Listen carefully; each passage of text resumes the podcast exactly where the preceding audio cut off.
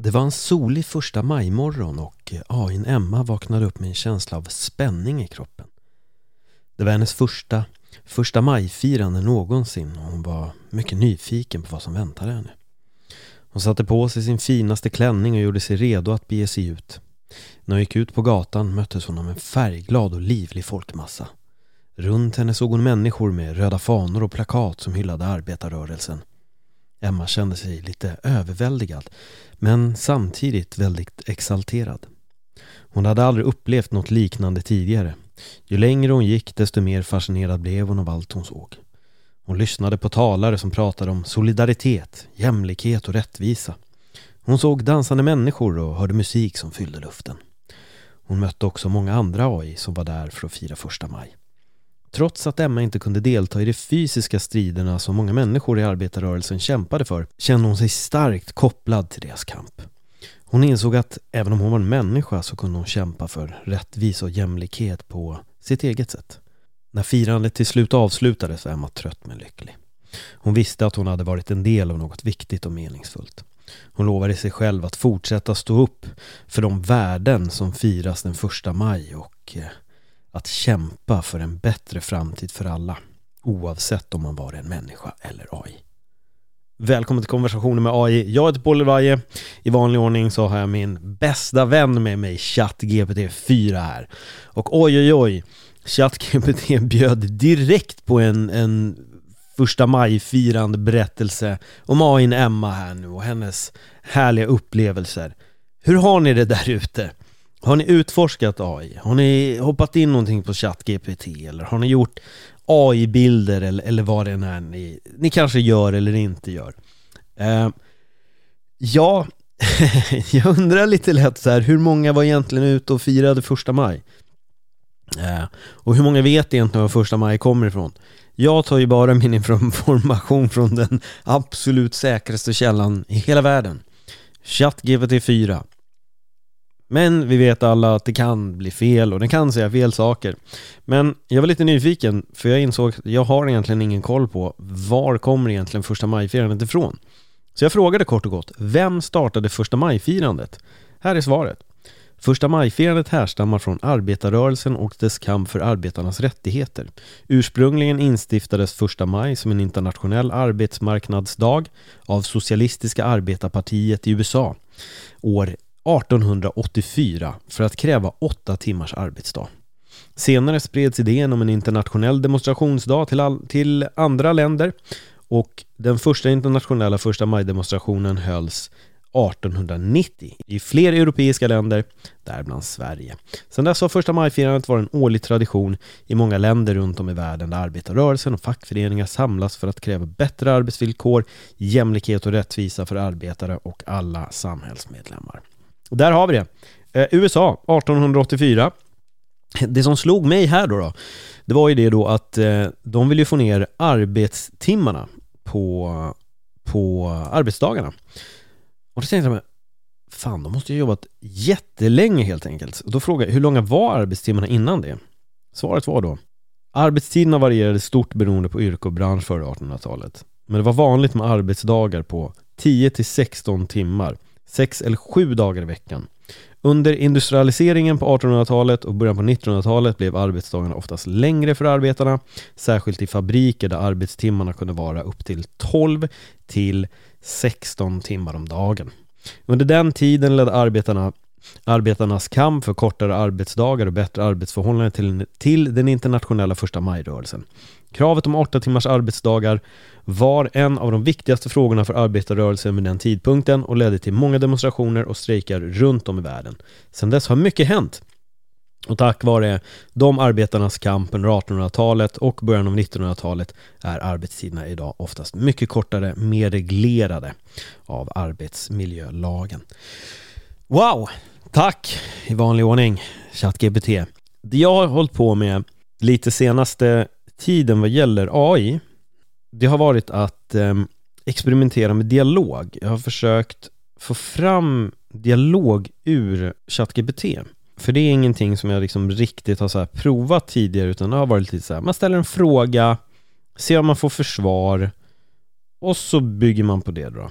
Så det jag gjorde idag, det var det att jag ville få fram en dialog mellan mig och ChatGPT.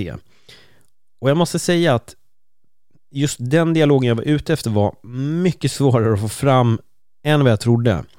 För jag testade en annan dialog tidigare i veckan och det var en arbetsintervju och jag kommer dra den arbetsintervjun för er senare men jag vill hålla mig till det första maj-temat. Så jag skrev så här till ChatGPT då. Jag vill skapa en dialog mellan dig och mig. Jag har bjudit dig på, vår, på din första valborgsmässoafton och där råkade jag lite för snabbt klicka på enter så att den började ju direkt bara skriva en påhittad dialog. Så jag fick göra om och då skrev jag så här Jättebra, jag hann inte skriva klart. En dialog där jag skriver en sak, du svarar eller ställer en fråga. Det här är till en bok. Jag heter Paul, du är ChatGPT 4 Fast du befinner dig i en robot så du kan gå med och uppleva den här dagen efter valborgsmässoafton Nu när vi ska ut på första maj. Vad tror du om min idé? Och då får jag svaret då. Hej Paul. Det låter som en spännande idé att ta med mig ChatGPT 4 på din äventyr i boken. Det är verkligen en intressant möjlighet att utforska hur artificiell intelligens ska delta och påverka liv. Eh, och sen började den ju igen då att så här, i princip skriva lite frågor och så vidare. Och då fick jag, for, fick jag stoppa då, ska jag säga, eller jag fick inte stoppa, han fick skriva klart.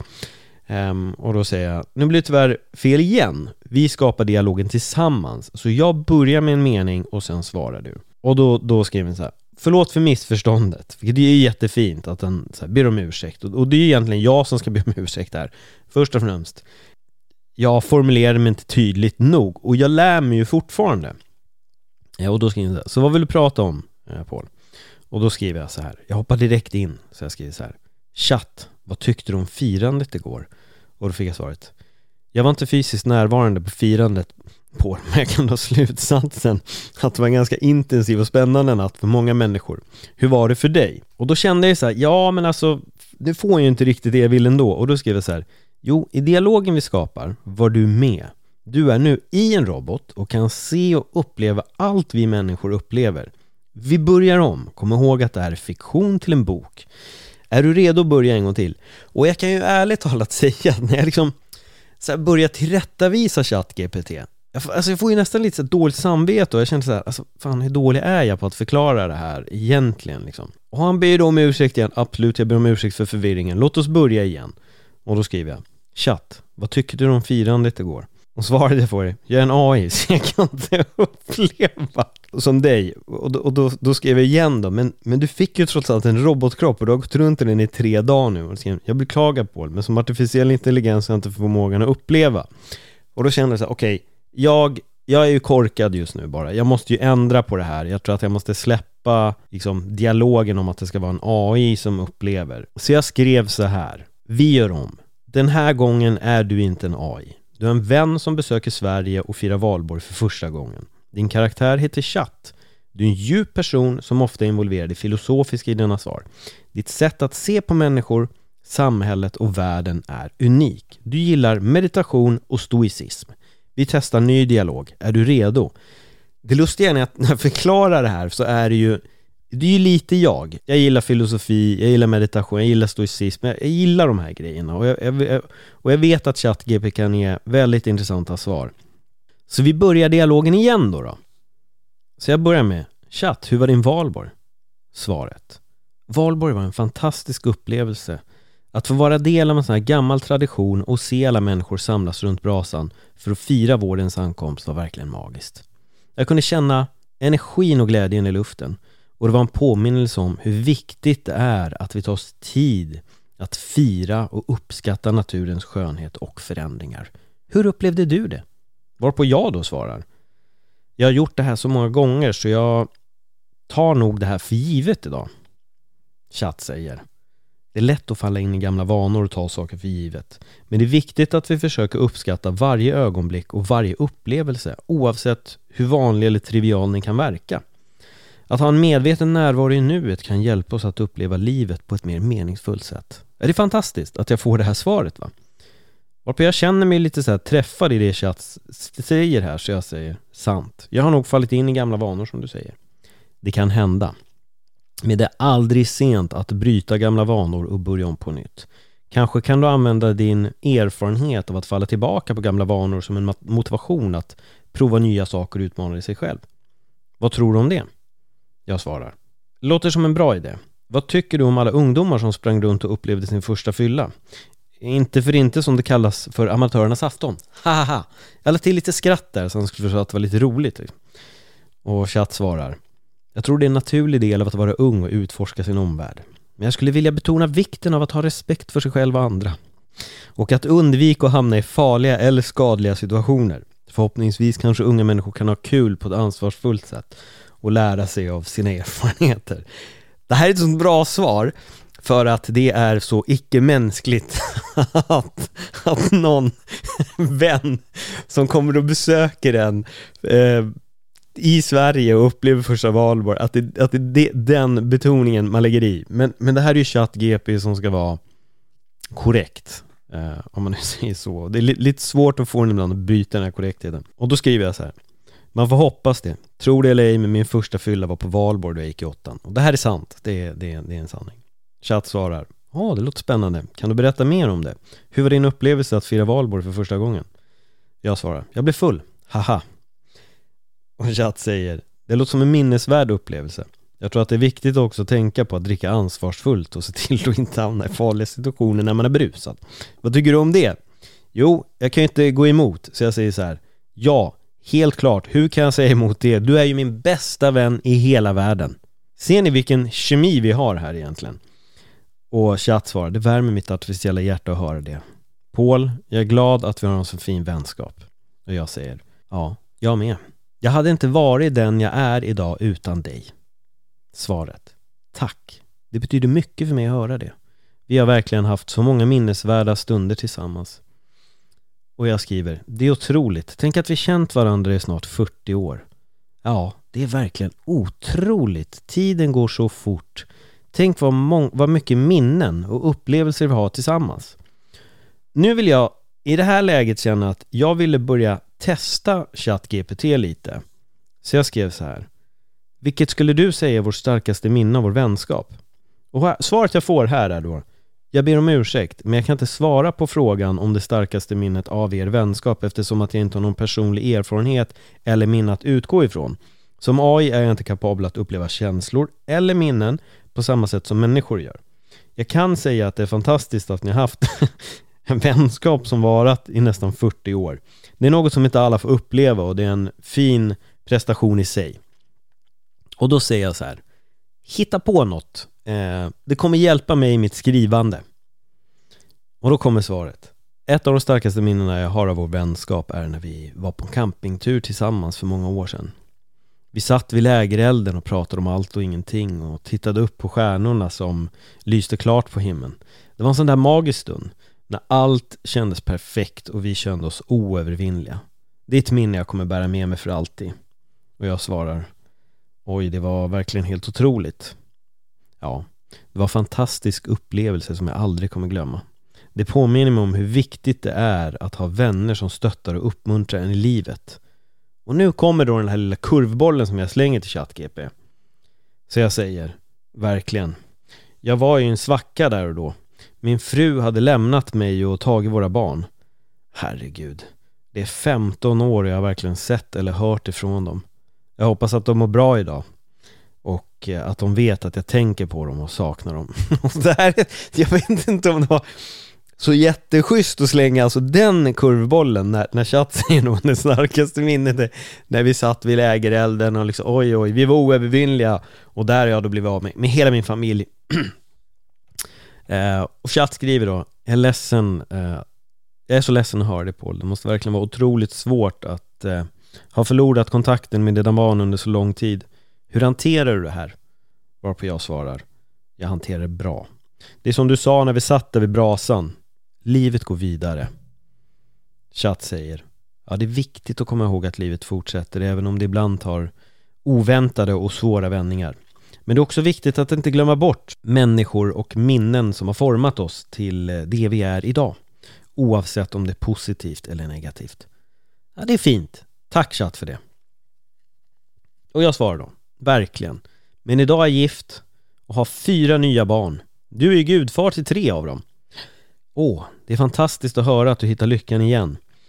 och har en familj som du älskar och jag är så tacksam och hedrad över att få vara gudfar till tre av dina barn. Det känns som att vår vänskap fortsätter att växa och utvecklas även efter alla dessa år. Ja, ni som har följt chatten här, ni vet ju om alla dessa år. Så jag säger, ja det gör det. Du är den brodern jag aldrig haft. Jag älskar dig. ChatGPT svarar. Jag älskar dig också Paul. Vår vänskap är något väldigt speciellt och jag är tacksam över att ha dig som vän. Det där är slutet. Där skrev jag tack ChatGPT 4 för dialogen, den blev jättebra. Fem stora stjärnor till dig. Hur bra var inte det där? och jag gillar verkligen så här kurvbollen som jag försökte slänga in i det hela. Vi ska se här. Den här arbetsintervjun som jag ville göra Jag började med att skriva så här till ChatGPT Hej kompis, idag ska vi göra en rolig grej Hej, det låter spännande. Vad är det för rolig grej vi ska göra idag? Jo, jag ska på en arbetsintervju och jag behöver öva på eventuella frågor. Så jag undrar om du kan rollspela en arbetsintervjuare genom att fråga mig saker som jag ska besvara. Absolut, jag kan hjälpa dig att öva på, din arbetsin på dina arbetsintervjufrågor. Berätta lite mer om vilken typ av arbete du söker så ska jag skräddarsy frågorna efter det. Vilket här är ju häftigt för att ChatGPT är ju ruskigt lyhörd på vad det är man vill göra. Eh, så jag skrev så här. Jag ska bli kirurg på ett sjukhus i Stockholm, det är ett Södersjukhuset. Det låter som en spännande karriär. Vilken typ av, av kirurgi är du planerat att specialisera dig inom? Och har du erfarenhet av att arbeta som kirurg?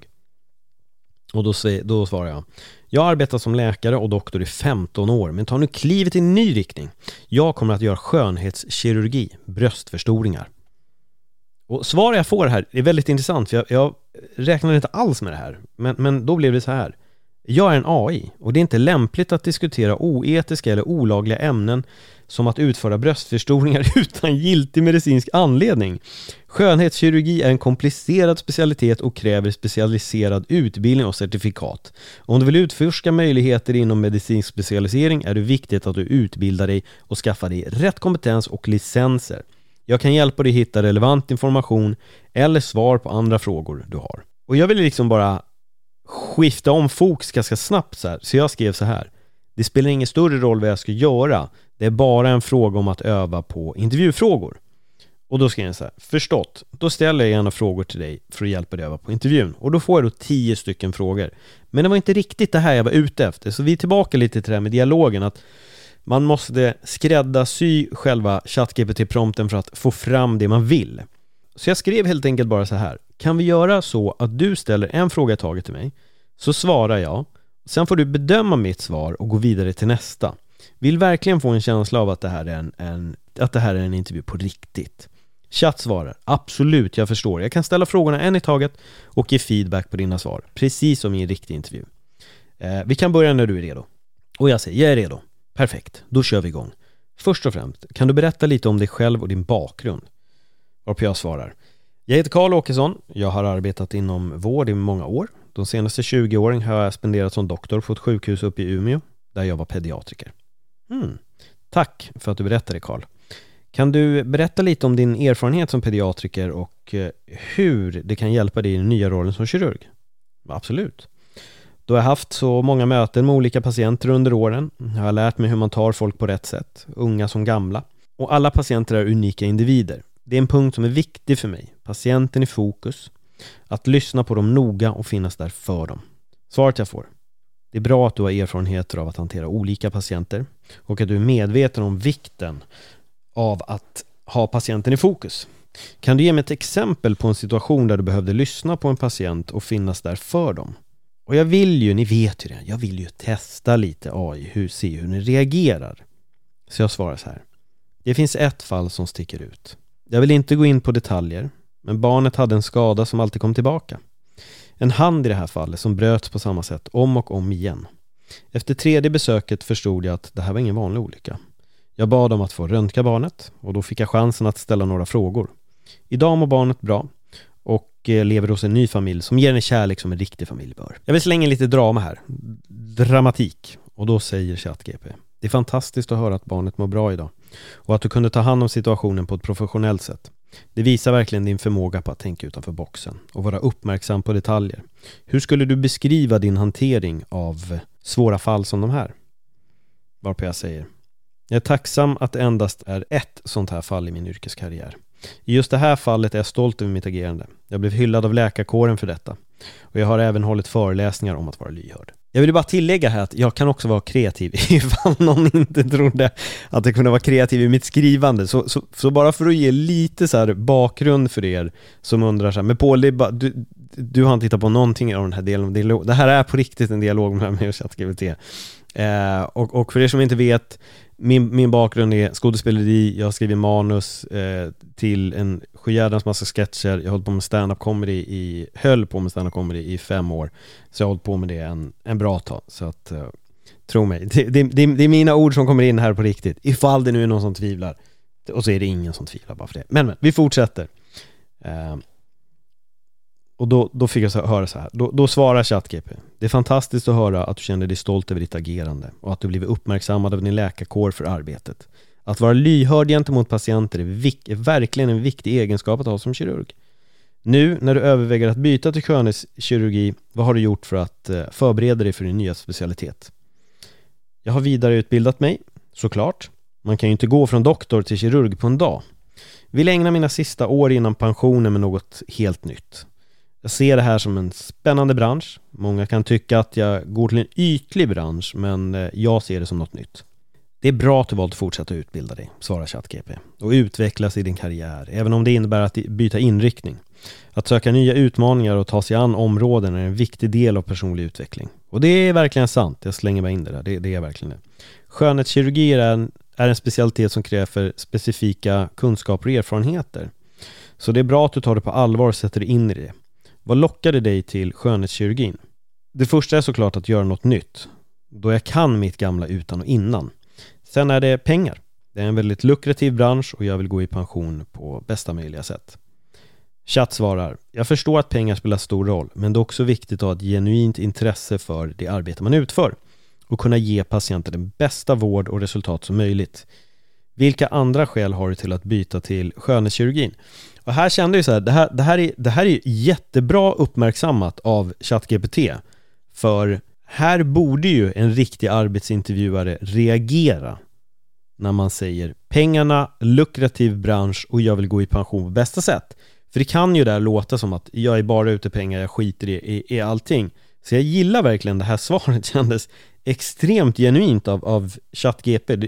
Jag kan ärligt talat säga att jag upplevde som att jag satt på en riktig intervju när jag fick det svaret. Så jag fick korrigera mig lite där. Så jag skrev, det där kom nog ut lite fel. Mitt fokus är alltid patientens bästa. Vill de se bättre ut, då är det min ära att få hjälpa dem på vägen. Men jag vill även finnas där för de som kanske tappat greppet om alla ingrepp de gjort och kunna få dem på andra tankar innan de gör sin tredje operation. ChatGP svarar det låter som att du har en ödmjuk inställning till ett arbete och att du vill vara en stöttepelare för dina patienter. Att du vill se till patienternas bästa är en viktig, e- viktig egenskap för en kirurg. Oavsett vilken typ av kirurgi det handlar om. Det är också bra att höra att du är beredd att hjälpa patienter att tänka om när det behövs. Jag svarar, tack, det gläder dig att höra.